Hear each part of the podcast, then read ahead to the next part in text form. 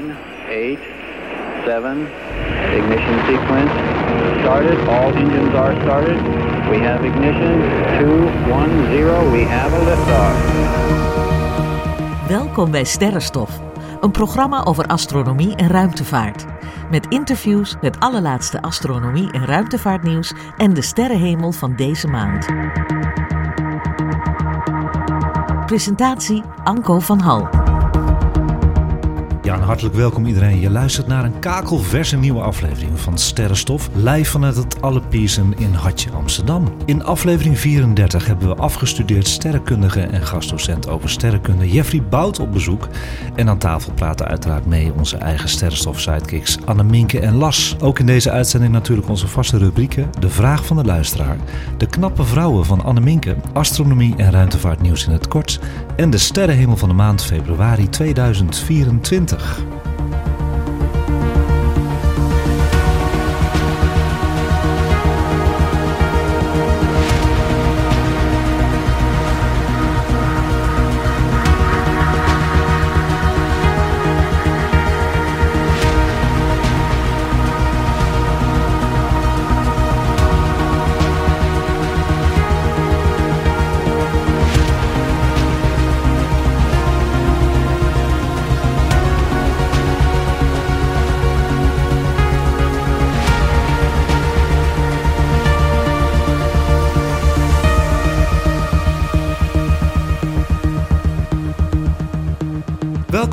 Tafel. We hebben een fantastisch mooi begin gemaakt van Sterrenstof dit jaar met veel feedback van luisteraars uit Nederland, België en het Caribisch gebied. Dankjewel daarvoor. Ik kreeg veel foto's van hemelverschijnselen binnen, leuke vragen, complimenten en opmerkingen over de vorige uitzending. Hartelijk dank nogmaals. Ook namens Koen van Waddesky. En we hebben door de grote vragen van de Sterrenstofkalender een tweede oplage kunnen drukken, zodat alle luisteraars de kalender weer kunnen bestellen en ik en Ganymedes ook geen nee hoeven te verkopen. Dat kan nu weer via sterrenstofnieuws.gmail.com en via de website van Ganymedes Optische Instrumenten. En aan tafel, zoals ik al zei in de introductie, onze enige echte sterrenstof sidekicks. Dit keer aanwezig Anne Minke en Lars. Welkom. Goedemorgen. Leuk. Zijn jullie een beetje wakker? Jazeker. Ik ben ook al onderweg geweest. Hoe lang ben jij onderweg ja, geweest? twee nu? uur viel mee. De aansluiting was beter. Twee dus uur twee is uurtjes. ook lang hoor. Ja, maar dan ben ik wel wakker. Heb ik iets meer tijd. Ja, Dus, en we hebben Jeffrey Bout voor de tweede keer. En dat komt, Jeffrey, omdat het goed beviel bij mij. Heb Nou, heb geweldig. Hallo. Ja, welkom Jeffrey. Jij komt uit... Groningen, dus ik stond om eh, half zeven op vanmorgen. Ongelooflijk. En hoe lang ben jij onderweg geweest dan? Ja, sinds kwart over zeven, bijna drie uur lang. Dus je krijgt zo nog een bak koffie van me. Jij bent wel wakker of je slaapt alweer. Zoiets. Ja. We hebben het over een heel leuk onderwerp zometeen... die eh, iedereen tot de verbeelding spreekt. En dat is de ontdekking in de afgelopen jaren... van de superaardes exoplaneten... en hoe leefbaar ze wel of niet zijn... in vergelijking met onze eigen aarde. En dat heb ik een beetje bekokstoofd met Jeffrey. Hè? We hebben dat natuurlijk een week geleden... of twee weken geleden... wat zullen we gaan doen als hoofdonderwerp? Nou, ik krijg heel veel vragen van luisteraars over... is er een tweede aarde? Nou, er zijn er Mhm. wel meer. Daar gaan we het zo over hebben. we het zo over hebben. Spannend, spannend. Maar eerst onze eerste rubriek altijd. En ik hoop dat jullie eh, wat hebben kunnen zien, maar ik geloof het wel. Wat hebben jullie aan de hemel gezien van de afgelopen maand januari? Wie wilde beginnen? Ik heb Jupiter gezien. Ja. Ja, die is goed te zien nog. Ja, met de maan samen. hè? Die samenstand met de maan, dat was op eh, 18 januari. Ja, en eh, ik had hem net gezien. Toen kwam jij met een fantastische foto daarvan. Ja, ik heb een fotootje gemaakt, ja. Nou, je had beter... Nou, weet je wat ik gedaan heb? Dat is wel leuk dat je dat meteen... eh, want dat wilde ik net eh, zo meteen vertellen. De, de samenstand met de maan en Jupiter wilde ik eigenlijk in één beeld vangen met de Dwarf Smart Telescoop. Ze stonden net iets te ver uit elkaar om ze samen te krijgen. Dus ik heb de maan heb ik, eh, gedeeld. En opvallend genoeg, ik kreeg een software-update in december van de Smart Telescoop van Dwarf. En die was zo goed dat ik nog nooit zo helder de maan heb kunnen fotograferen met die telescoop. Dus dat was heel leuk. En dat heb ik eh, op Instagram gezet onder de januari-knop. Ja, heel mooi. Goed zo. En jij, Lars, heb jij gezien? nou ja, natuurlijk die samenstand. Ook leuk, jij stuurde mij die foto al van die, eh, van die maan door. Van, ah, het past net niet. Dus ik, Ja, ik ja, ja, dacht ja, al helemaal, oh, ook. die, die zal balen. Maar Ja, alsnog ja. een supermooie foto. Ja, ja. Maar eh, ja, die samenstand was fantastisch. Ik vind ook altijd in de wintermaanden, zeker in januari, het sterrenbeeld Orion vind ik altijd fantastisch. Oh, ja. Ook nog op pad geweest om te proberen de Orion-nevel te fotograferen. Alleen mijn apparatuur eh, liet me even in de steek. Wat gebeurde er? Ja, er was iets. Ik, ik heb een, eh, ja, dat- zo'n Star Tracker, om het maar even voor de kenners eh, te noemen. Zo'n elektronische motorblok noem ik het Ja, ja, even. ja, ja. Ja, er was iets met de schroefjes. Ik kon hem niet balanceren. De- ja, dus ik heb daar een uur in. Het was echt heel koud. Min 8 of zo. Ja, het was een koude, ja, koude aan het periode. strijden even. geweest, maar helaas geen eh, succes. Maar dat komt nog wel. We hebben nog even, het is nog winter. Ja, joh. Dus, eh, en ook dat sterrenbeeld ziet er heel mooi uit zonder een camera. Zelfs met een verrekijker heb ik nog even gekeken. Als je heel goed kijkt kun je zelfs een Orion Nevel ja, kun je een vlekje zien. met een dat, eh, verrekijker. dat was de moeite waard. Goeie Absoluut. tip van jou. Ja. Leuk, Lars. En Jeffrey? Ja, het was eh, tussen al die regen door een paar Ja. dagen even mooi weer. Eh, ook precies op de dagen dat de maan juist niet te zien was. Dus dan wordt het heel erg donker. Ja. En toen ben ik naar het Lauwersmeer geweest. En dan heb ik dan weer de Melkweg gezien. En Jupiter en allerlei dingen. En het leuke is, eh, er was toen zelfs iemand eh, mee van Vroege Vogels, een journalist. Oh, leuk zeg. Dus eh, die hebben wij toen geïnterviewd. En nou, mensen kunnen het zelf terugluisteren. Waar kunnen ze het horen? Dat was de uitzending van 14 januari. Daar is er dus een reportage Ja. dat nou, onder, de, onder de sterren helemaal op Lauwersmeer staan. Ja. Tussen de, tussen de watervogels, want er is enorm veel eh, natuur daar. En hoor je die dan ook? Nu Ja, in de winter zeker. zijn ze ook heel erg aanwezig. Ja, het gaat de hele nacht door. Dus, eh, Ja. ja, ik ben ook naar Lauwersmeer geweest in de zomer. Toen was het ook heel lawaaierig daar. Maar nu nog steeds dus in de Ja, winter. hoor. Ja, oh, ja. het gaat maar door. Wel leuk. Melkweg is goed te zien daar, ja. Benieuwd naar de uitzending? Ga dan eventjes naar Vroege Vogels website van 14 januari met Jeffrey. Hartstikke leuk, Jeffrey. Ja, je had het over Orion. En ik had ook eh, inderdaad Orion gefotografeerd. Die kwam, want het was, ik denk, een van de eerste nachten dat het opeens helder was. Hè? Want we hadden heel veel regen gehad. En het werd inderdaad koud voor twee weken.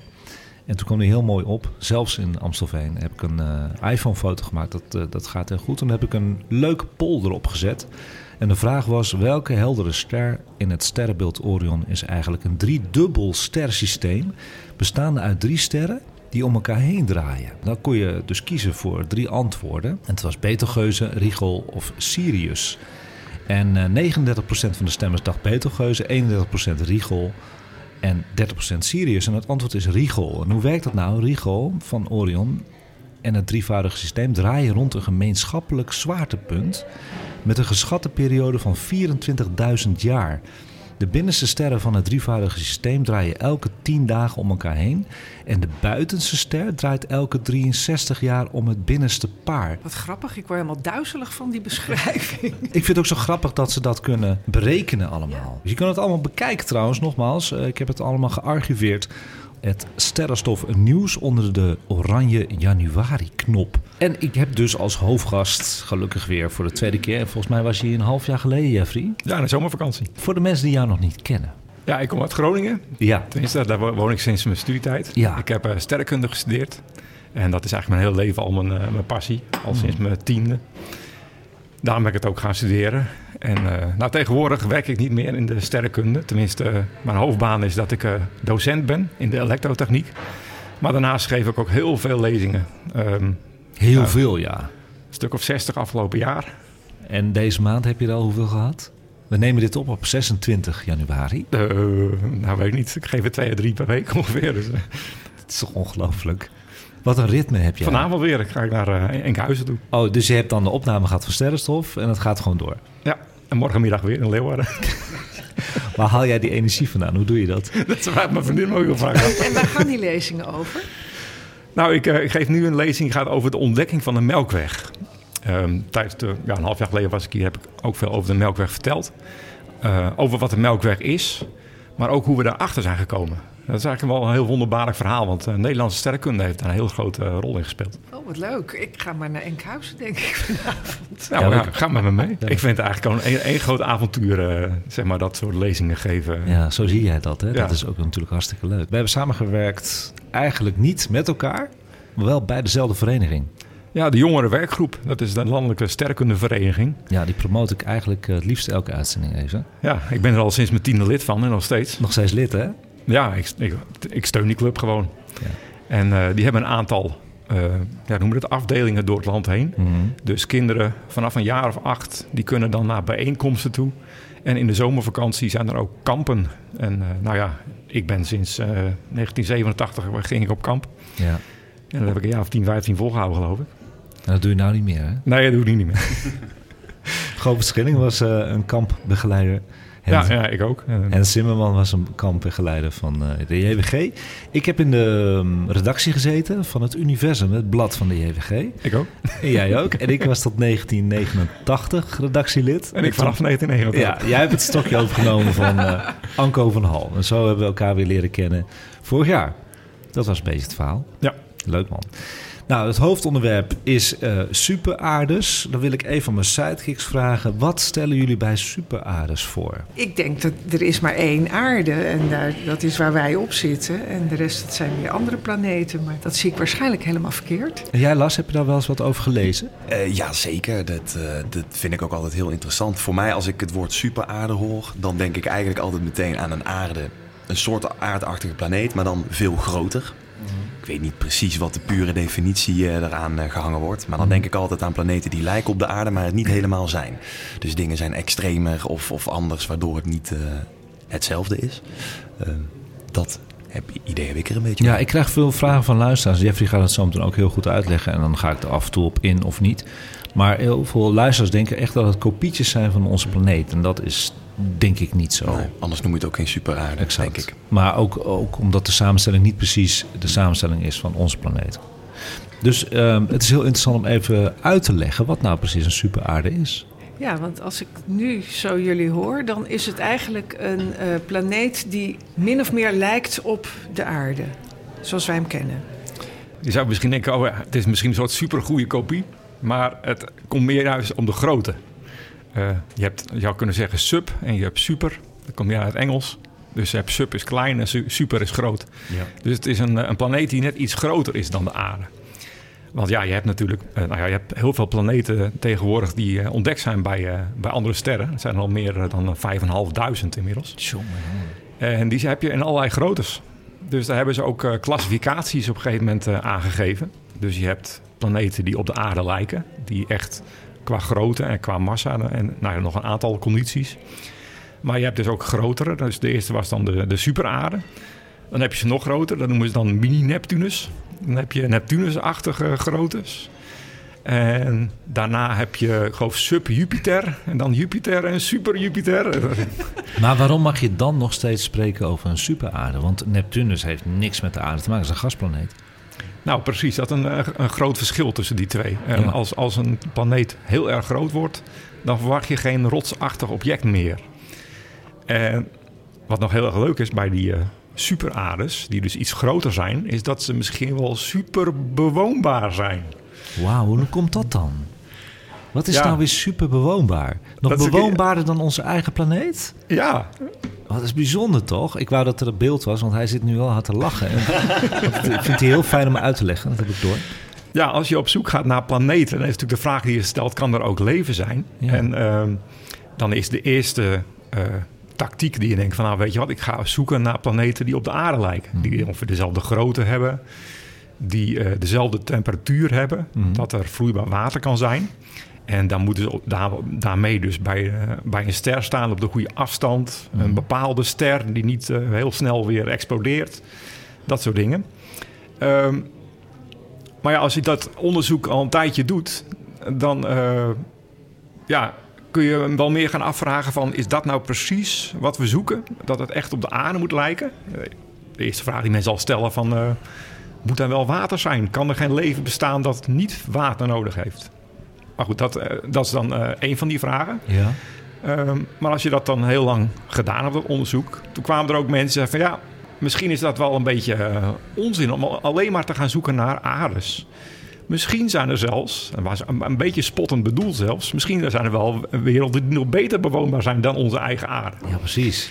En nou ja, daar gingen ze toen ook serieus over nadenken. En toen kwamen ze erachter... nou ja, als je nou een planeet hebt die net iets groter is dan de aarde dan uh, kan daar platentectoniek zijn. En dat, dat werkt dan misschien zelf beter dan op de aarde. Want dat heeft, denken we, ook een belangrijke rol. Uh, of er leven kan zijn. Mm -hmm. En uh, dan zal de atmosfeer ook wat dikker zijn. Dat die beter vast, gas kan vasthouden. Uh, en daarmee dan ook waarschijnlijk meer zuurstof in zich hebben. En als er dan leven is, dan kan er, uh, ja, doordat er meer zuurstof is, een rijkere biodiversiteit zijn. Maar dat is toch mega interessant? Ja, ja. Uh, Ik, ik wist er eigenlijk eh, tot, eh, tot twee weken geleden ook niet zoveel van af. Ja, welkom bij Sterrenstof. Ja, dan word je, ja, kijk, huiswerk. Dat is huiswerk krijg je. Maar dan heb je het over die planeet. Maar waar staan die planeten? Nou ja, ze staan in principe overal. Dat idee dat je een grotere aarde, een grote wereld nodig hebt dan de aarde, super interessant. Want grotere werelden die zijn ook makkelijker te vinden. Die zijn, Ah, ja, ja, ja. ja. Die, gaan, die zijn Zo, hoe groter die planeet, hoe beter die te vinden is. Maar je gaat dus, je, je keert het eigenlijk om. Je hebt nog niet iets gevonden, maar je hebt een idee van eh, er moeten planeten zijn die aan deze voorwaarden voldoen. En die gaan we nu zoeken. In, in beginsel eh, is men gewoon op zoek naar eh, die planeten. En dat is al, ook al jaren bezig. Ik zei al, 5.500 zijn er al ontdekt. Ja, daar heb je verschillende manieren voor. Eh, de bekendste is de, is de transitmanier. Dat je eh, een planeet hebt die voor een ster langs trekt. Als dat gebeurt, dan wordt het sterlicht even wat zwakker.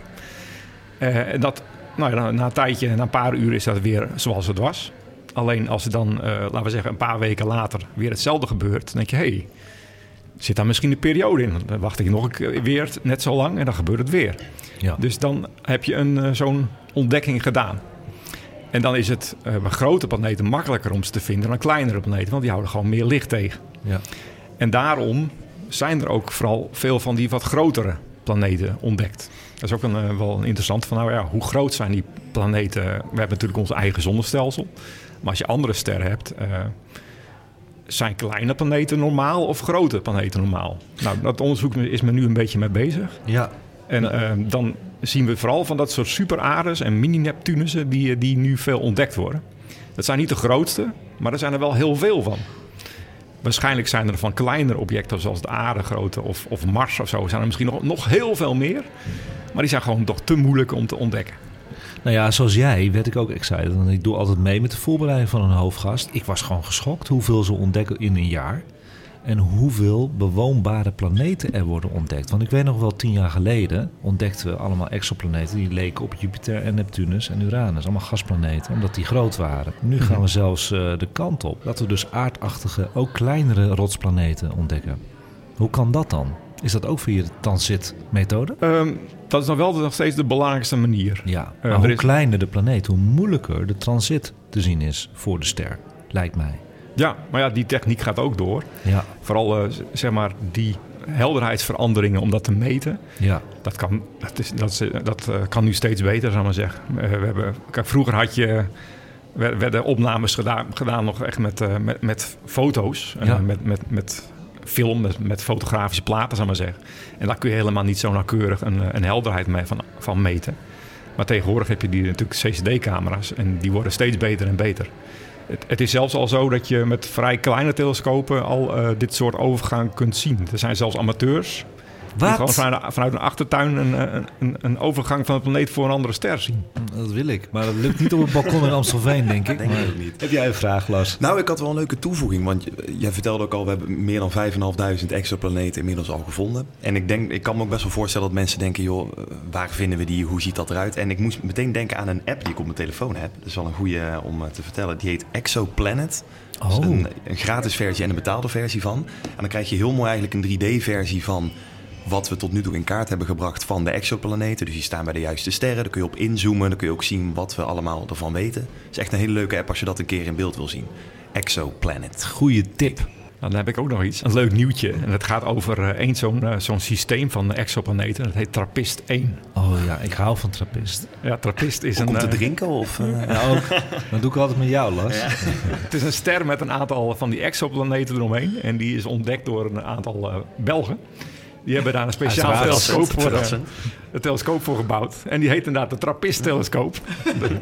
Ongelooflijk. Ik weet niet meer precies, wat is met transit nog wat. Ah, ja, ja. Eh, in ieder geval zo gekozen dat het woord trappist erin zit. Nou, dat is fantastisch toch? Nou is het zo, dat is een, al, inmiddels een heel bekend systeem... eh, waar een aantal van die exponenten tussen zitten. Eh, er is ook zelfs onlangs eentje door de James Webb Space Telescope eh, waargenomen... om te onderzoeken of die een atmosfeer had. Dat viel een beetje tegen, geloof ik. Ja. Maar een heel leuk nieuwtje is, is dat er eh, een paar weken geleden... een, eh, een reclamestunt is gedaan in Amerika. Namelijk dat ze zelf eh, in een eh, bepaald dorpje... hebben ze een, een, een, laser achter een telescoop gezet. En dan zelf een boodschap naar dat systeem gestuurd. Naar Trappist 1. Ja, en uh, dat, zal ik, dat zal ik even laten zien. Uh, Wat leuk. Ik heb hier een plaatje van die, van die boodschap. Dus het is een heel uh, korrelig plaatje met een, met een mens erop. En, en, het lijkt op de gouden plaat en, en van, twee, uh, van de Voyager, maar dat is het niet. ja, daar heeft ook wel wat van weg. Ja. En uh, met twee paarden erop. Waarom twee paarden erop? Ja, want dit komt uit het dorpje Lexington in Kentucky. En de, die, die hebben heel veel paardenfokkerijen, geloof ik, daar. Oh, vandaar. Mooie promotie dit. Dus die, die hebben dus die boodschap met een, met een laser gestuurd. Dus ik vond het een beetje amateuristisch. Die er een heel amateuristisch telescoopje waar Dat was meer om de stunt, maar... ja, maar fantastisch Kijk, hebben ze, hebben, ze, hebben ze een website gemaakt. Look at us, aliens. Oh, wat leuk. Mensen kunnen dat nu ook even bekijken, trouwens. Als je Visit Lex even googelt... Visit Lex. En dan uh, vind je het daar op die website wel. Oké. Okay. Hebben ze een speciale website dus voor, uh, over dat aliens hun kunnen bezoeken. En wat er dan allemaal te doen valt in, uh, in dat dorpje waar ze wonen. En er staat er ook een teller bij dat het nog 39 jaar duurt of zo voordat die boodschap daar is. en dan moeten we weer 40 jaar wachten voordat we antwoord kunnen krijgen. Eventueel. Ja, maar dan moeten wel alle hotels uh, klaarstaan, want dan, dan komen de aliens. Hoor. ja, maar dat spreekt ontzettend tot de verbeelding. Hè? De Trappist 1 zonnestelsel. Want Trappist 1 heeft bijna alleen maar rotsplaneten, toch? Klopt. Ja, zeven stuks en zijn allemaal ongeveer zo groot als de aarde. Is toch een zonnestelsel, dan zou je gewoon kunnen planeet hoppen. Ja, we willen het hier ook een beetje doen hè, met Mars. Tenminste, men, ik weet niet of ik het zelf zou willen, maar goed, dat is een ander verhaal. Wat zijn nog meer goede kandidaten als superaardes? Daar heb ik geen, uh, geen nummers van beschikbaar. Maar... Nou ja, we hebben bijvoorbeeld die Proxima Centauri B, die staat het dichtste bij.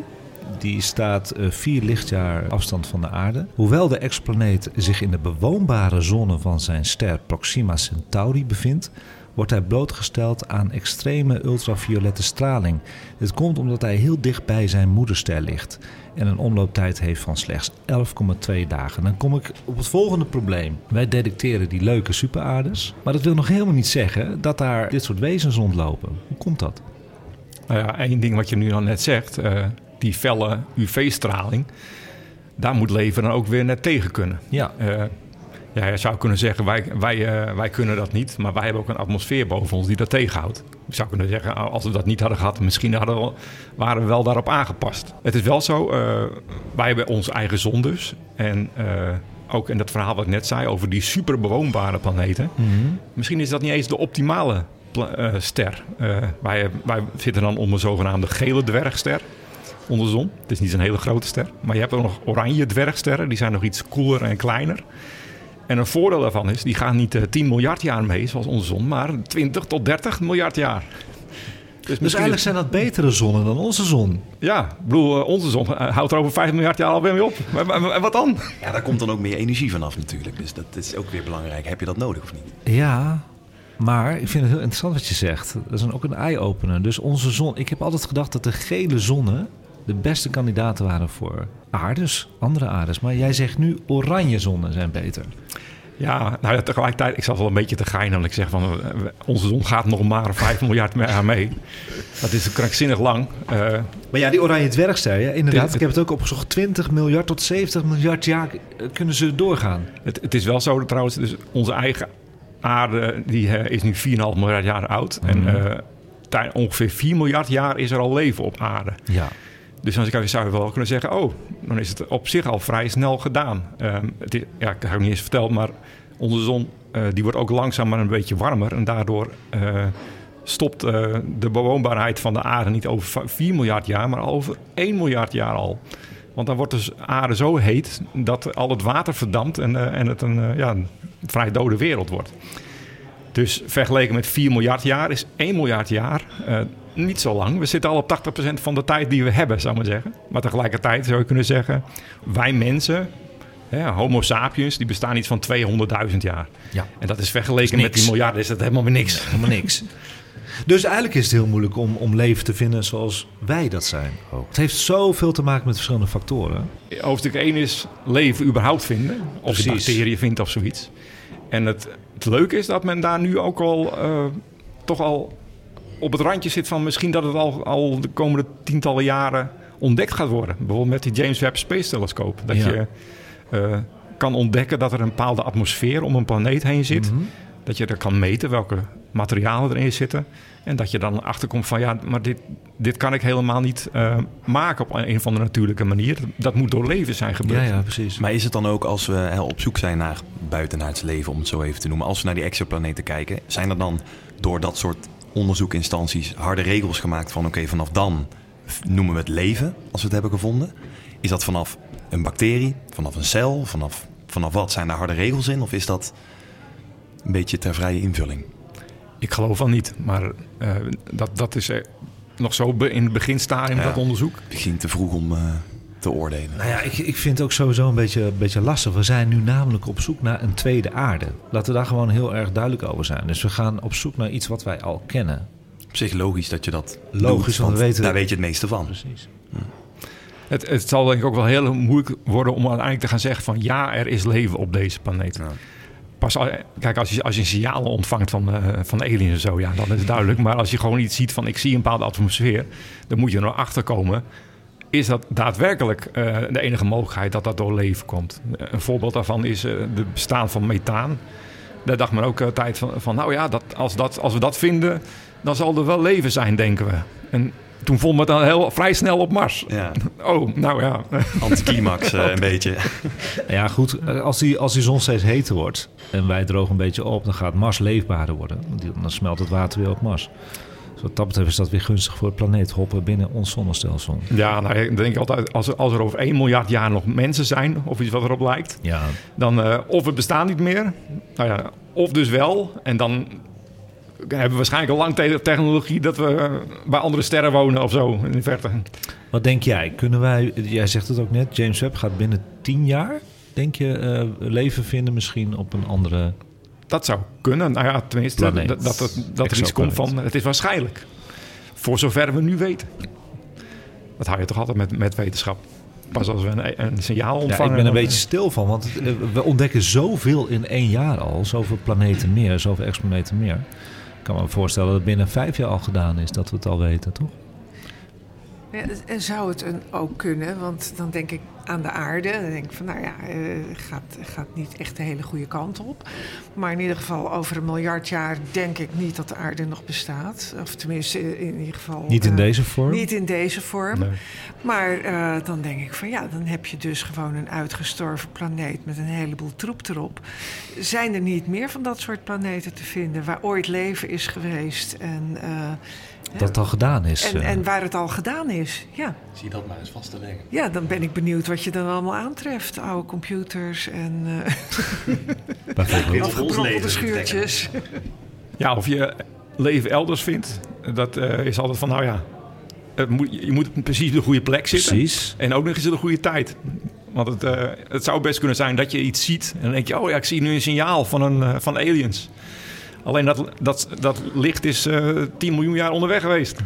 Ja, nou ja, dan zijn ze er nu misschien helemaal niet meer. Maar wat denk jij er dan van uh, over het bestaan van leven? Ja, ik heb geen idee. Ik denk altijd van ja, het zou wel heel arrogant zijn om te veronderstellen dat wij uh, de enige planeet zijn uh, waar leven is. Dat heelal is zo immens groot. En als je nu al zoveel nieuwe planeten ontdekt en, en die superaardes, dan zou het toch heel vreemd zijn als er helemaal nergens iets uh, van leven bestaat.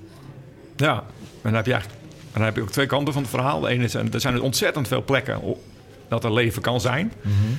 Maar aan de andere kant kun je, moet je dus ook afvragen van... maar hoe moeilijk is het eigenlijk om leven voor elkaar te krijgen? Nou ja, je hebt wel heel veel verschillende factoren... die dan net op het goede moment moeten samenwerken. Zoals bij ons is gebeurd. Maar ja, waarom zou de aarde dan de enige plek zijn... waarop dat uh, inderdaad gebeurd is?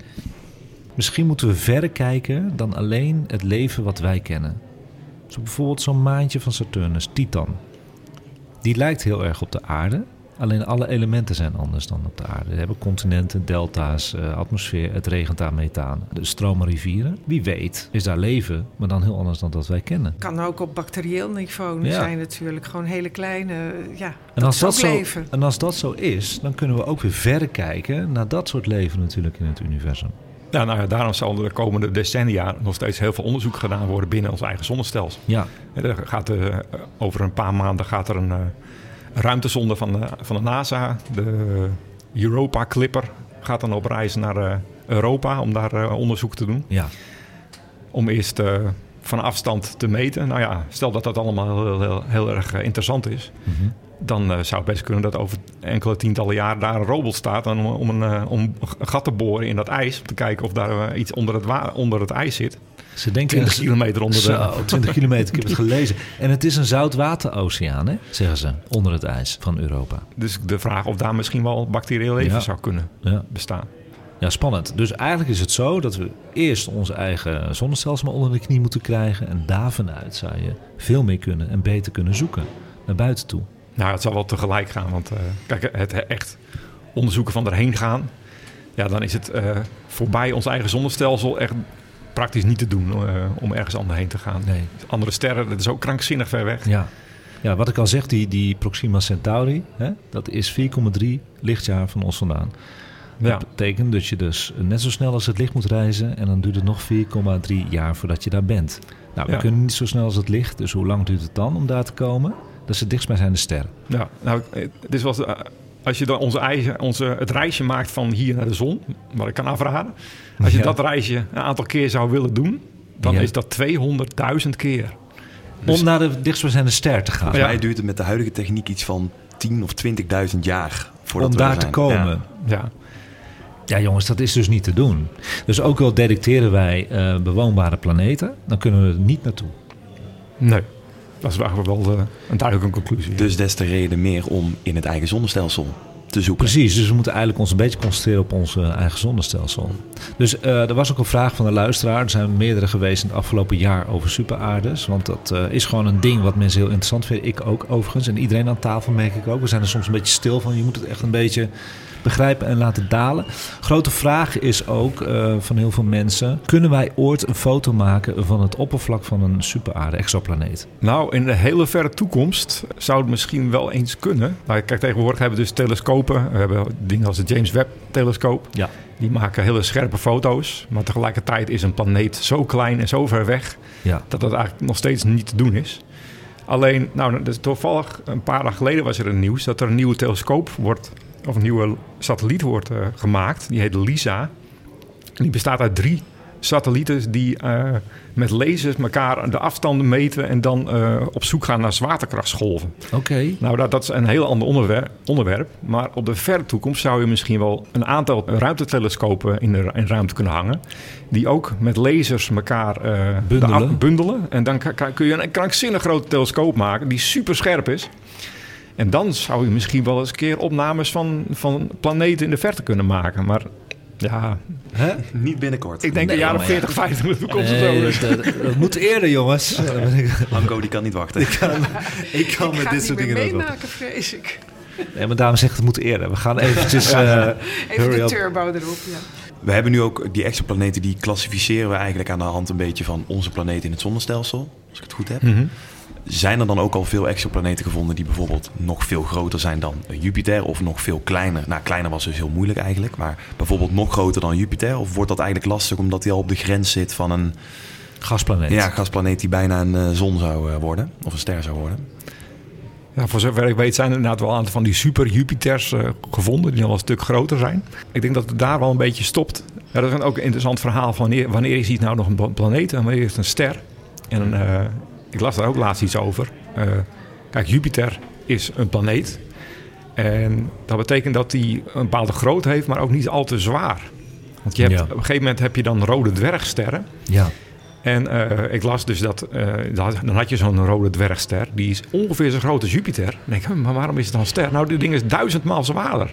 Ja. Er zit veel meer massa in. Dan pas krijgen die hoge druk van binnen met een kernfusie. En dan is het een ster. is het Vanaf ster. kernfusie Ja. is het een ster. Ja. ja, ik zie ook dat die rode dwergsterren... daar zitten heel veel aardse planeten omheen. Alleen die hebben een grillige eigenschap... dat daar heel veel... eh, want wij hebben ook zonnevlammen. Hè? Dan zien wel het noorderlicht op aarde. En die zonnevlammen van rode dwergsterren zijn wat grilliger. En dat kan juist het feit beïnvloeden of er leven is op die aardachtige planeten rond de rode dwergsterren. Dus wat jij al zei, dat oranje zonnen de beste kandidaten zijn eigenlijk voor superaardes. Ja, Die Ja, dan kom je ook weer een beetje terug bij dat verhaal waar jij boven begon over eh, Proxima Centauri. Ja. Ja. is dat ook een, eh, moeilijk. Dat is ook een moeilijke. Die rode dwergsterren zijn eigenlijk een beetje te grillig voor het leven wat je moet hebben op, eh, die planeten. Dankjewel Jeffrey voor dit mooie verhaal. Ik heb op onze Sterrenstof YouTube een hele mooie film over superaardes en hoe bewoonbaar ze zijn. Dan kun je nu even naar kijken of naar de uitzending. We gaan naar de vraag van de luisteraar. In drie jaar Sterrenstof maken heb ik nog nooit zo'n jonge luisteraar gehad. En uh, die ook nog een heuse vraag van de luisteraar inspreekt. Dat is toch ontzettend leuk. Moeder Jasmijn ging de vraag in eerste instantie inspreken. Maar Magnus van vier, ja je hoort het goed, vier jaar oud, stond erop om het zelf in te spreken. Ga je gang Magnus. Jupiter heeft vier maanden en wij hebben één. Waarom? Hij vraagt dus, Magnus, hartstikke goed gedaan hoor Magnus. Hij vraagt dus, Jupiter heeft vier manen en wij maar één. En waarom eigenlijk? Nou, dat is een hele goede vraag, Magnus. Vanuit de aarde zien we inderdaad de vier grootste manen van Jupiter. Dat is Io, Ganymedes, Europa en Callisto. Maar Jupiter heeft er zelfs veel meer. Wist je dat? En wel, schrik niet, 92 manen. Maar die kunnen we dus niet met de verrekijker of telescoop zelf zien, omdat ze een stuk kleiner zijn. Maar hoe komt het dan dat wij niet zoveel manen hebben als Jupiter, is je vraag. Nou, misschien is het antwoord een beetje lastig voor je en kan je moeder het zometeen voor jou wat makkelijker uit gaan leggen.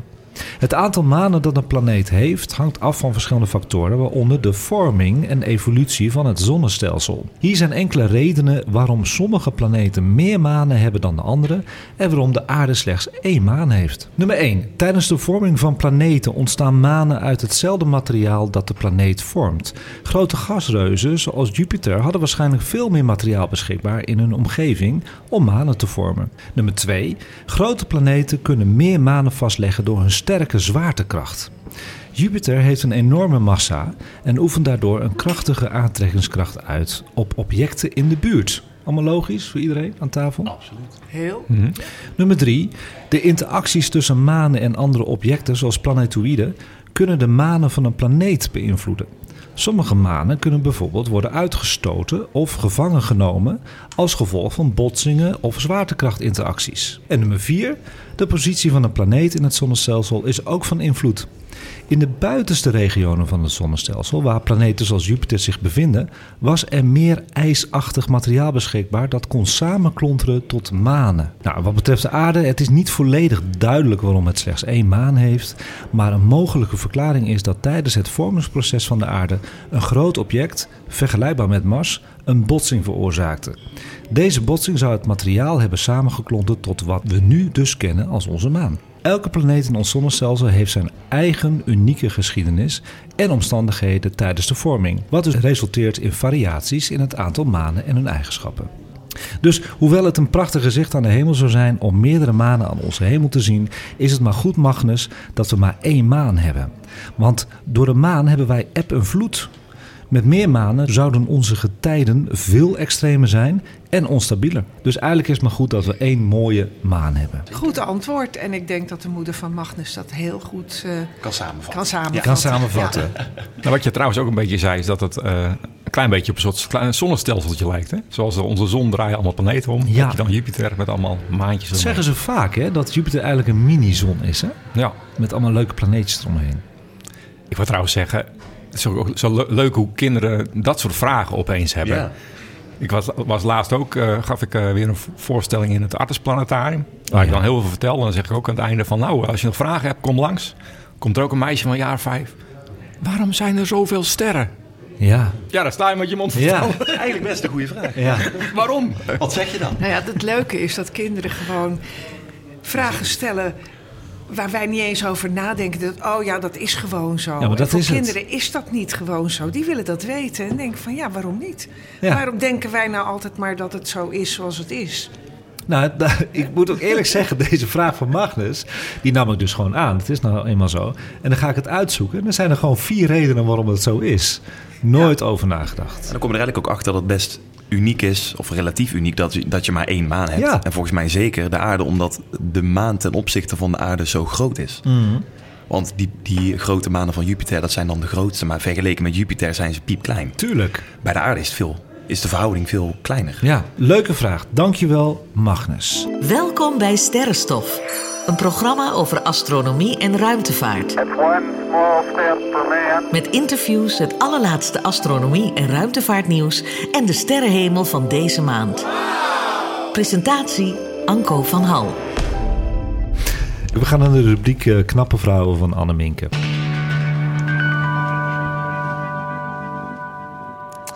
Ja, de knappe vrouwen. En ik heb er weer eentje gevonden. En heel ver weg in de tijd. We moeten echt uh, zo'n 2000 jaar terug. Zo? Ja. Maar meestal zit je een beetje in de 17e, 18e eeuw, hè? Ja, ja, nou, ik heb ook wel eens in de 19e en 20e eeuw gezeten. Heb je ook gedaan? Ja. Maar ik dacht, laten we nu maar gewoon eens even helemaal naar het begin gaan. En als je echt naar het begin gaat, dan ga je naar de muzen. De dochters van Zeus in de oude Griekse mythologie. En een van de muzen was Urania. En dat is de muze van de sterrenkunde. En Urania wordt altijd afgebeeld met een wereldbol in haar linkerhand en een schrijfstift in de rechter. En wat zo leuk is, is dat uh, vroeger in de oudheid sterrenkunde echt als een vrouwelijke tak van wetenschap werd beschouwd. Oh. Nou, dat is inmiddels uh, wel even anders. Vandaar deze rubriek natuurlijk. Ja. De sterrenwacht in uh, Antwerpen heet trouwens ook Urania. Dus uh, de, er zijn nog steeds wel vernoemingen naar haar. Ja. Maar zij was natuurlijk niet echt een wetenschapper, ze was een muze. er was wel een, een vrouwelijke wetenschapper in de vierde eeuw. In 370 werd Hypatia geboren. Voor de muzen werden er museons gebouwd. Nou ja, we zitten hier in een museum. Ja, zeker. In het begin waren dat uh, plekken uh, waar de muzen werden vereerd. Ja, dat ging over uh, de kunsten en de wetenschappen. Het was in het begin eigenlijk alleen maar muziek en dichtkunst die daar werd beoefend. Maar zo gaandeweg werden het plekken voor wetenschap ook. En in Alexandrië, in het Hellenistische Alexandrië, was het grootste museum. En dat was eigenlijk een soort universiteit en bibliotheek. Heel bekend, heel groot. En de directeur van dat museum in Alexandrië was uh, Theon. En Theon was ook een uh, belangrijke wetenschapper in die tijd. En zijn dochter was Hypatia. En uh, zij werd in 370 geboren en was opgeleid tot wiskundige uh, filosofe, platonische filosofe en astronoom, sterrenkundige. En zij bleek talentvoller dan haar vader en nam als jong meisje al zijn positie over in dat museum. En uh, haar vader bleef als een soort emeritus hoogleraar ook nog verbonden aan het instituut. Maar zij, haar lessen waren echt beroemd. En zij verzamelde heel veel mensen om zich heen, uh, waarmee ze discussieerde, les gaf. Uh, nou, het was eigenlijk best wel bijzonder.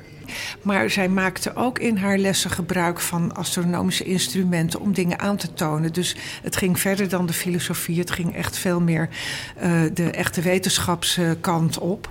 En dan en, hebben we het over 400 na Christus ongeveer. Ja. ja.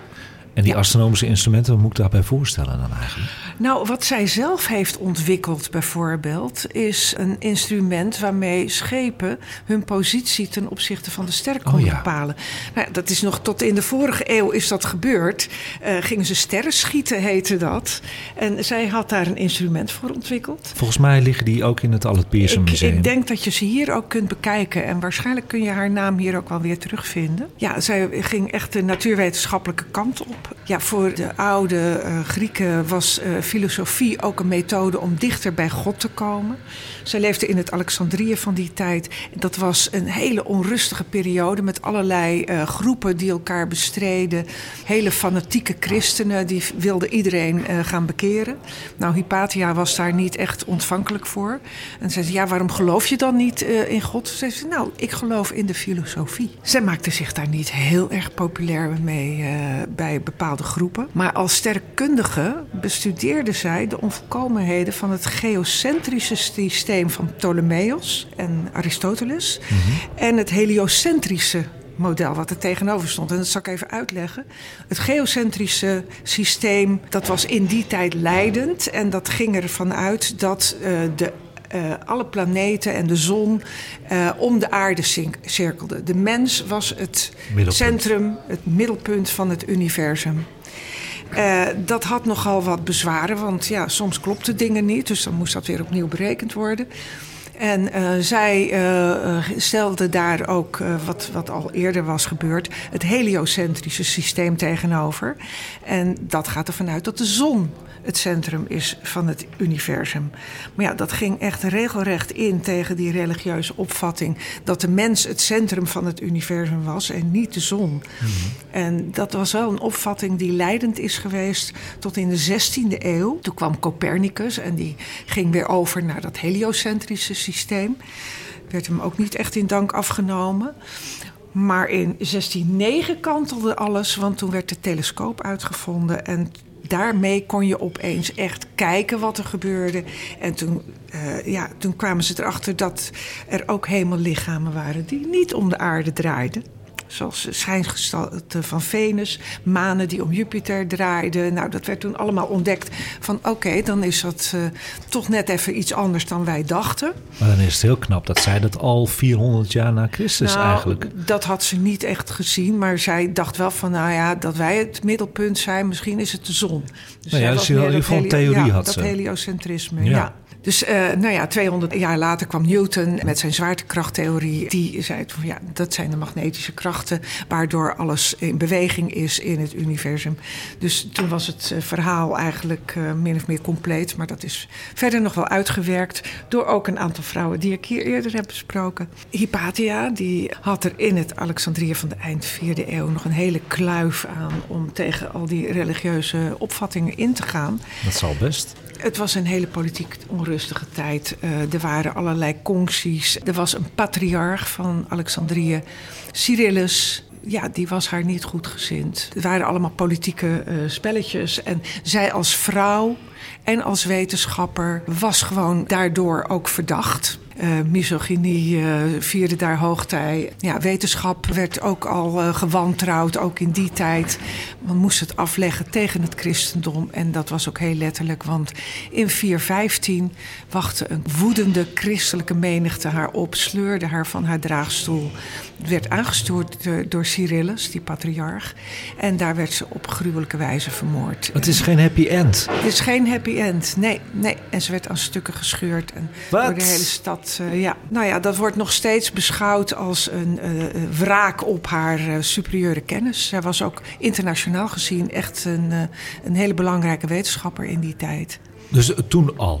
Toen al op het gebied was van zij gewoon bekend. Dus Ja. daarom is het ook allemaal opgeschreven en bewaard wat er gebeurd is ja, met haar. Er is een film over haar gemaakt in Oké. 2009, Agora, van Alejandro Amenabar. En er is een heel mooi gedicht. Mag ik dat voorlezen? Ja, ik vind het wel. Dat vond ik mooi. Mag ik je zien, horen, huldig ik op mijn knieën het sterrenhuis voor ogen waar de jonkvrouw woont. Want naar de hemel wijst jouw handelen en de kunst waarmee jij spreekt, verheven Hypatia. Jij stralend sterrenbeeld van geestrijke wetenschap. Nou, fantastisch mooi? verhaal. en een mooie afsluiten ook. Eh, want het was eigenlijk geen happy end, maar nu heb je het wel gedaan. Ja, ik dacht laat ik het nog even met een iets luchtigers Ja. afsluiten. Nou, ze wordt geëerd, ook door Sterrenstof. Absoluut, ja. Mooi verhaal, Anneminke. Dank je wel. En we gaan nu naar astronomie- en ruimtevaartnieuwtjes in het kort. En ik had al een beetje met Jeffrey zitten praten. We hebben alle twee hetzelfde nieuwtje. Alleen jij hebt nog een aanvulling op het nieuwtje. Wat is er gebeurd afgelopen week? Ja, er is een eh, kleine planetoïde.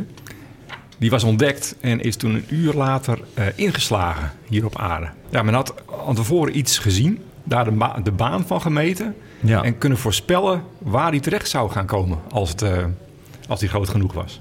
Drie uur voor inslag hebben ze dat ontdekt. Dat was boven Berlijn, hè? Ja, en eh, ja, hij heeft zelfs een nummer gekregen, SAR2736. Die heb ik er nog ineens bij staan. Maar ingeslagen? Ja, Heb je het niet gevoeld? eh? Nee, hè? niet. Nou, het leuke is, ik heb dit nieuwtje dus helemaal opgeschreven en zo. Maar gisteren hebben ze de meteoriet eigenlijk gevonden. ja, ik heb hier een, eh, een foto van.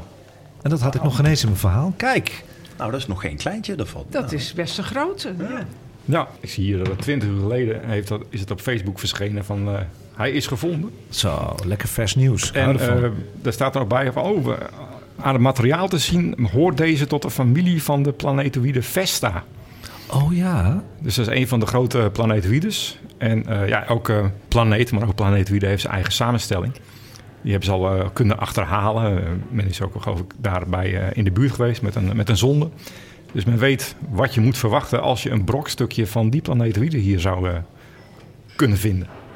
Maar er staat ook bij van het is nog vrij onzeker. Het kan ook de familie van Abrito zijn. Of zelfs een maansteen. Je zou het maar in bezit hebben, hè? Ik heb een Nou, vitrine je zal thuis staan. op je dus- hoofd krijgen. Nou, dat is een behoorlijk stuk. Hoe groot zou die geweest zijn als hij, voordat hij de dam in kwam? Hij was geloof ik een meter groot. Ja, dat is best wel veel, hè, dan eigenlijk. Ja. Het is ook best knap dat ze dat kunnen detecteren. Ja. Ik bedoel, een meter klinkt groot, maar ja, in, in, in, ehm, ja, buiten de atmosfeer een meter iets zien, Ja. is, dat is niet groot. Ja. De waarneming is ook eh, ongelooflijk ongebruikelijk, zeggen ze. Volgens de ESA is 99% van de asteroïden die zich in de buurt van de aarde bevinden en kleiner dan 30 meter in doorsnee nog niet ontdekt. Dus hoe kleiner een asteroïde is, hoe dichter hij bij de aarde moet zijn voordat wetenschappers hem kunnen detecteren. Ja, en dat is natuurlijk ontzettend lastig om dat te doen, maar het is gewoon gebeurd. Het is gewoon gelukt. Ja, dus ik, ik heb, lees ik hier dat het de achtste keer is dat er, eh, laten we zeggen, een eh, voorspelling gedaan kon worden. Zou we zeggen. Dat Ja. er iets was eh, gezien wat dan Moet je nagaan. een paar keer later pas. Ja. zou inslaan.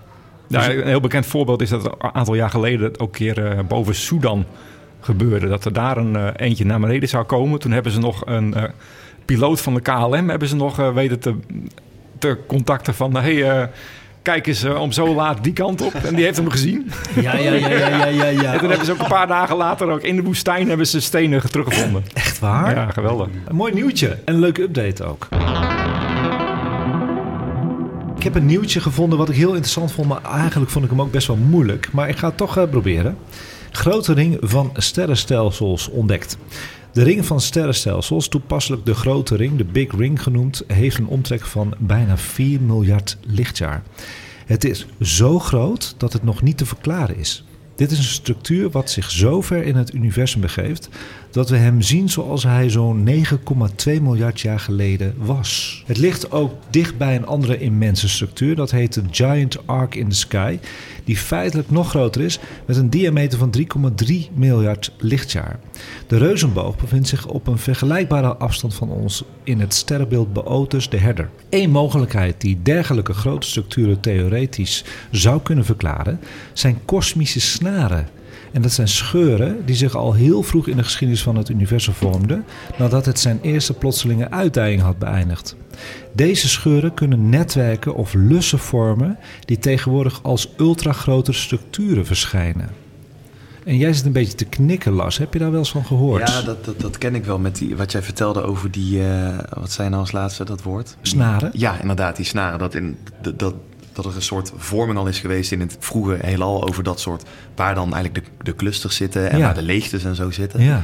Dus ik, wat jij zei over die structuur, ik had het nog niet gehoord, maar ze hebben ooit wel eerder wat vastgelegd. Maar Ja. dit wist ik nog niet, dit is wel een nieuwe. de, de, de Big Ring Ja, is precies. net ontdekt. Ja. on- ontzettend eh, moeilijk, denk ik ook, eh, als ik naar Hoe Annemiek stel je dat vast? Om dat voor te stellen, denk ik ook. Dus ik heb een heel mooi filmpje ervan gevonden. En die heb ik op onze Sterrenstof YouTube ge- gezet, op onze aanbevolen playlist. Mateloos interessant, omdat ik hier heel weinig zelf ook van weet. Dus ga even naar Sterrenstof Nieuws. Het laatste nieuwtje, we er drie. En dat is een mysterieuze radiobron in het hart van een oude sterrenhoop. En dat zou een zeldzaam zwart gat kunnen zijn. Een van de helderste bolvormige sterrenhopen van de Melkweg zendt mysterieuze radiogolven uit vanuit zijn hart. Zo hebben nieuwe waarnemingen onthuld. Wetenschappers denken dat het intrigerende signaal mogelijk afkomstig is van een middelgroot zwart gat. En als dat waar is, zou dit resultaat het eerste in zijn soort zijn. Het team ontdekte het signaal tijdens het scannen van de 47 Tucanae-cluster met de Australia Telescope Compact Array in New South Wales. Bolvormige sterrenhopen zijn oude groepen sterren verspreid over het Melkwegstelsel. Sterren in deze clusters zijn veel dichter bij elkaar geplakt dan die in andere delen van de Melkweg. 47 Tucanae bevat bijvoorbeeld meer dan een miljoen sterren in een bol met een diameter van 120 lichtjaar. Deze sterrenhoop is de op één na helderste aan de hemel en je kan hem zelfs met het blote oog waarnemen. Als je op het zuidelijke halfrond zit. Zeker, op het zuidelijke halfrond heel goed aangevuld. Er is een afbeelding op basis van 450 uur aan waarnemingen is op YouTube gezet. En die kun je op onze Sterrenstof YouTube even bekijken. Heel mooi. Maar hoe klinken die sterren nou die radiogolven en pulsars uitzenden? Bij het passeren van een bepaalde cluster genereert elke ster een geluid. Verschillend voor elk kanaal. Ja, is dat voor te stellen? Het geluid dat bij elke ster hoort, wordt in het volgende fragment wat ik ga laten horen, heel leuk, vervolgens opgeteld om een complex patroon samen te stellen. Nou, ik wil dus dat 47 Toucanet-cluster even laten horen aan jullie. Hebben jullie dat ooit gehoord? Nee. Nee. Oké, ga ik zo Ja, laten horen. Dit is niet. dus het geluid van 3000 sterren bij elkaar van NGC 104, oftewel het 47 Toucanet-cluster. Het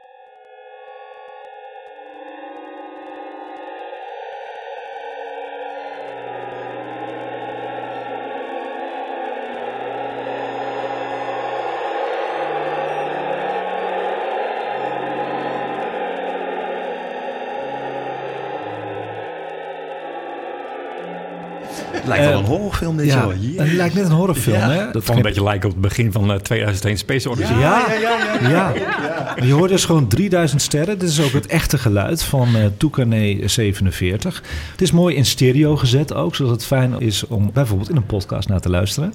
Maar ik vond het zo bijzonder, ik heb het via YouTube gehaald, om even nog een voorbeeld te geven dat ook sterren dus geluiden geven en pulsars. Ja, ik vond het prachtig om te horen. Ja. Ja, ja. Leuk om naar sterren te luisteren ook, hè? Krijgt een soort andere laag. Ja, een andere laag.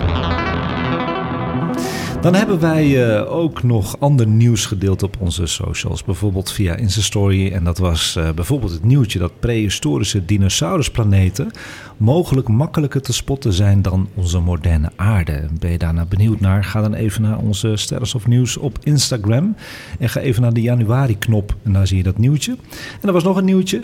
Er is nog meer waterijs gevonden op Mars, maar dan op de Evenaar. Dus we weten allemaal dat er heel veel waterijs is op Mars, maar dan op de Polen. Die kun je ook eigenlijk met de telescoop kun je dat zien, de Polen. Maar op de Evenaar nog meer water. Dus kun je je voorstellen wat dat allemaal betekent. Je kan het allemaal lezen op Instagram Sterrenstof Nieuws. We gaan naar de sterrenhemel van de maand februari 2024.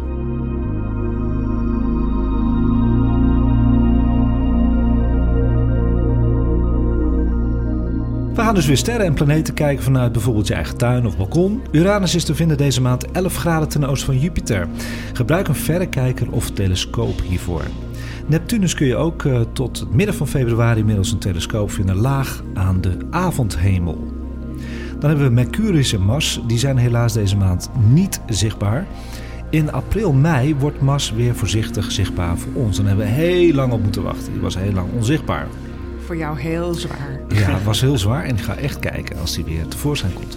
Mercurius komt wel weer eh, tevoorschijn binnenkort en dat is in maart. Dan heel gunstig, het gunstigste van dit jaar, aan de avondhemel. Even volhouden dus. Deze maand nemen we afscheid van de zichtbaarheid van de gesluide planeet Venus. Dat is jammer. Ze komt nu steeds later op aan de ochtendhemel en wordt dus steeds slechter zichtbaar. Aan het eind van de maand is ze al bijna niet meer te spotten, dus pak haar nog even mee voordat je de dag begint deze maand. En pas in oktober komt Venus weer terug. Moeten lang wachten, hè? maar dan aan de avondhemel. Dus dat wordt een hele mooie avondverschijning voor het eind van dit jaar. En daar kan ik er wel bij zeggen, Mercurius en Venus zijn dus beide binnenplaneten. Mhm. Die staan eh, dichter bij de zon dan de aarde. En daarom zie je ze altijd vlak na zonsondergang eh, of eh, vlak voor zonsopkomst. En daarom worden ze ook wel avondsterren of ochtendsterren genoemd.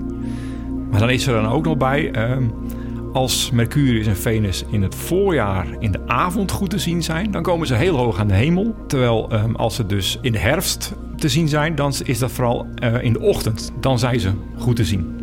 Dus als het omgekeerd is, als je in de avond in de herfst gaat kijken naar eh, Venus of Mercurius, dan kun je verwachten dat ze niet zo hoog aan de hemel komen. En dat je ja, Laag misschien in het westen. beter, beter een half jaar kan wachten. Nee, nee, dat gaan we niet doen. dat doe ik sowieso nu. Nou, als het- hoe moeilijker het wordt, altijd vind ik al een grote uitdaging. En jij volgens mij ook, Lars. En Moeilijke, moeilijke objecten vind jij lekker. Maakt het wel leuker, of tenminste, dan is het, hoe noem je dat? Eh, het gevoel van voldoening is gewoon veel groter als je hem bijvoorbeeld hebt gezien of gefotografeerd. Zeker, Ja. zeker. Vind ik ook hoor.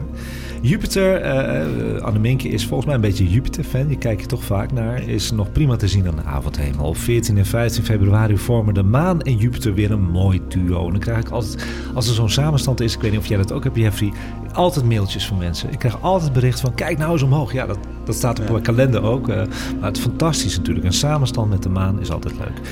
Wat mij ook opviel is eh, dat Ja? eh, dus een paar weken geleden was die samenstand met de maan en Jupiter. Zaten Ja. ze vlak bij elkaar. En dan een dag of een paar dagen later, ja, dan zien mensen dat ze opeens een heel stuk van elkaar vandaan staan. Ja. En dan is de, de eerste vraag van, goh, is Jupiter al zo snel weer weg? En dan zeg ik, nee, Jupiter staat er al een hele tijd en staat ook, ook ongeveer stil. Het is juist de maan die elke avond een stuk naar links is geschoven. ja. Want die, die gaat in één maand al ongeveer een rondje om de aarde. Waarom zou het zijn dat ze dan altijd, dat doen ze bij mij ook, altijd de planeten schuld geven? Ja, Dat is misschien bijzonderder. Die, zien ze, die valt niet Nee, altijd dat- op en de dat maan wel. is het misschien Het wel, heeft ja. daar veel mee te maken. Ja, Ja, of niet opvalt weet, of ja, niet. dan weet je niet waar je naar kijkt. Nee, dat is waar. Eh, als je dit wil zien, die samenstand weer van 14 en 15 februari, een mooie Valentijn samenstand, doe dit rond 9 uur 's avonds. En als je Saturnus nog wil zien deze maand, ja, dan moet je dat maar doen in de eerste week van februari. En voor geoefende ogen en het liefst met een verrekijker kun je definitief afscheid nemen van Saturnus middels een samenstand met de zeer smalle maansikkel laag aan de hemel op 11 februari. Dat wordt toch weer zo'n uitdaging dingetje. Ga ik echt doen. Noteren, die ga ik in mijn agenda. Ja, dat is echt een uitdaging. Het is de laatste keer dat je Saturnus ziet in de avond. Doe dit rond kwart over zes. Pas in mei komt Saturnus weer terug, dan aan de ochtendhemel.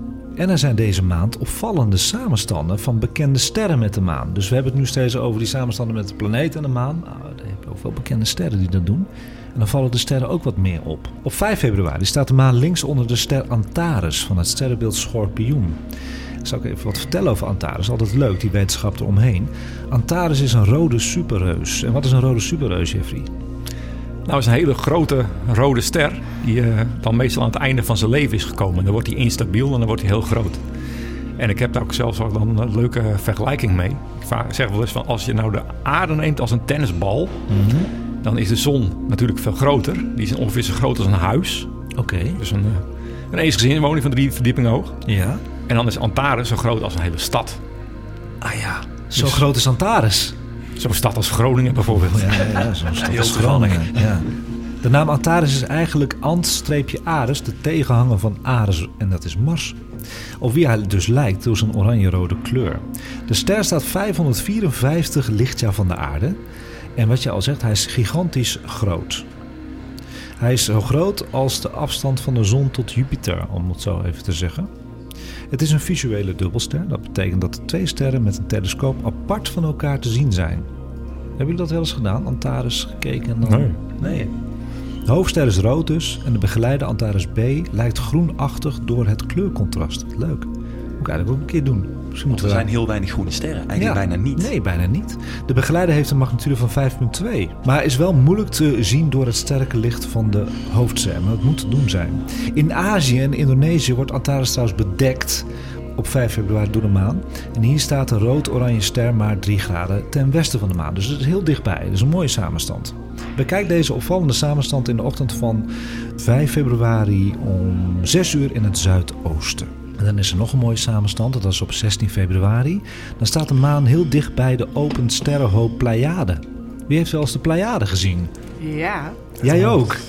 Met het blote oog? ja, op het zuidelijk halfrond. Hoeveel sterren kon je tellen? Nou, ik heb heel erg mijn best gedaan, maar volgens mij kwam ik niet verder dan vier of vijf. Ja.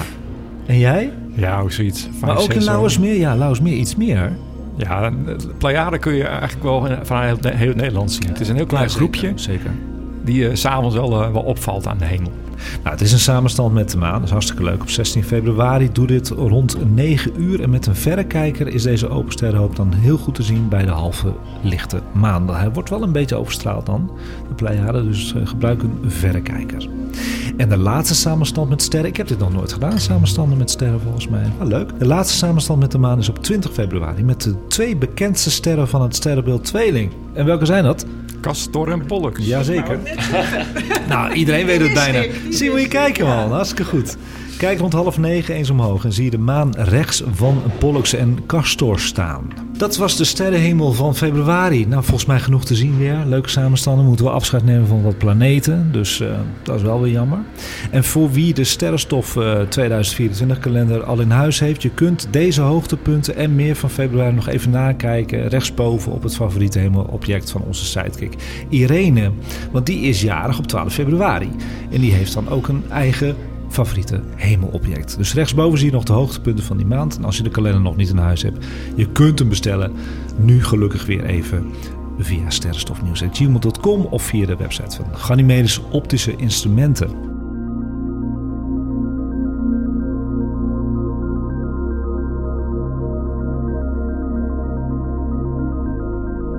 Dan heb ik voor iedereen als kerst op de taart van deze uitzending en op vele verzoek van luisteraars die muziek gebaseerd op de kosmos zo mooi vinden, daar heb ik heel veel reacties op gehad, heb ik nog een muzikale astronomische verrassing.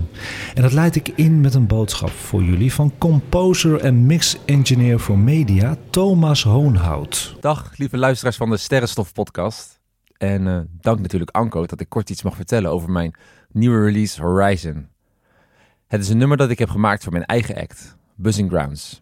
En ik denk dat dit nummer onwijs goed bij sterrenstof past, omdat het geïnspireerd is op het universum. Net zoals in het echte leven reizen we in het universum door donker en licht, warm en koud. Gaan dingen voor je gevoel langzaam of soms veel te snel? Nou ja, in het dagelijks leven is dit net zo en ik probeer vibraties uit de lucht op te vangen, hoe klein of groot. En spits die op mezelf af om daar muziek mee te maken. Wat doet het met mij en ja, wat doet het met een ander? Ik gebruik hiervoor veelal vintage uh, synthesizers om mijn muziek te maken. En daarom denk ik dat dit voor de sterrenstofluisteraar ja, een geschikt nummer is. Jullie gaan nu luisteren naar Horizon. Je kan Buzzing Grounds volgen op social media. Of volg Thomas Hoonat voor meer info. Ik ben heel benieuwd wat jullie ervan vinden. Tot de volgende keer.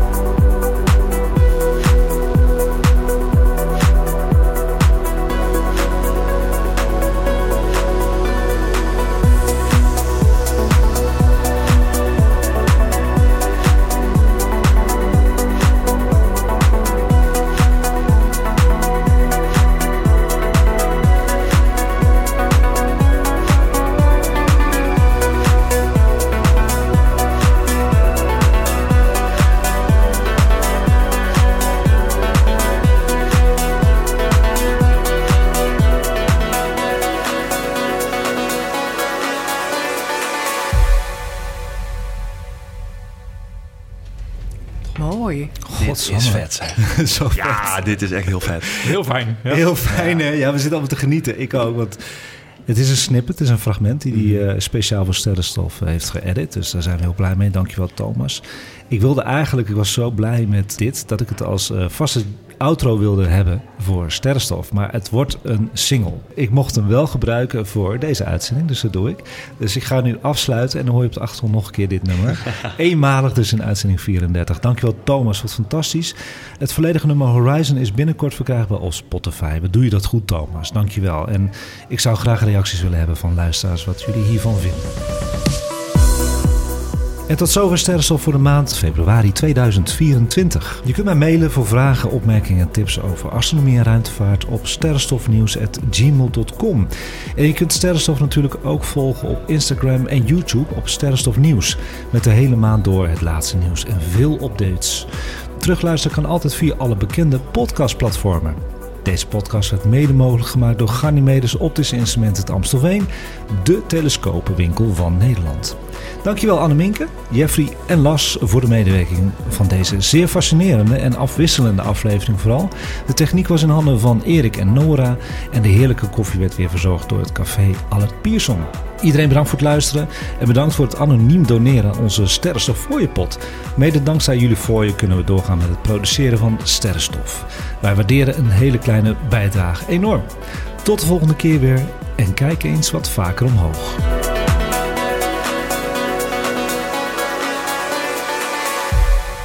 Luister je graag naar deze podcast? Laat de maker weten dat je waardeert wat hij of zij doet en geef een digitale fooi. Dat kan zonder abonnement, snel en simpel via fooiepot.com. Fooiepot met een d.com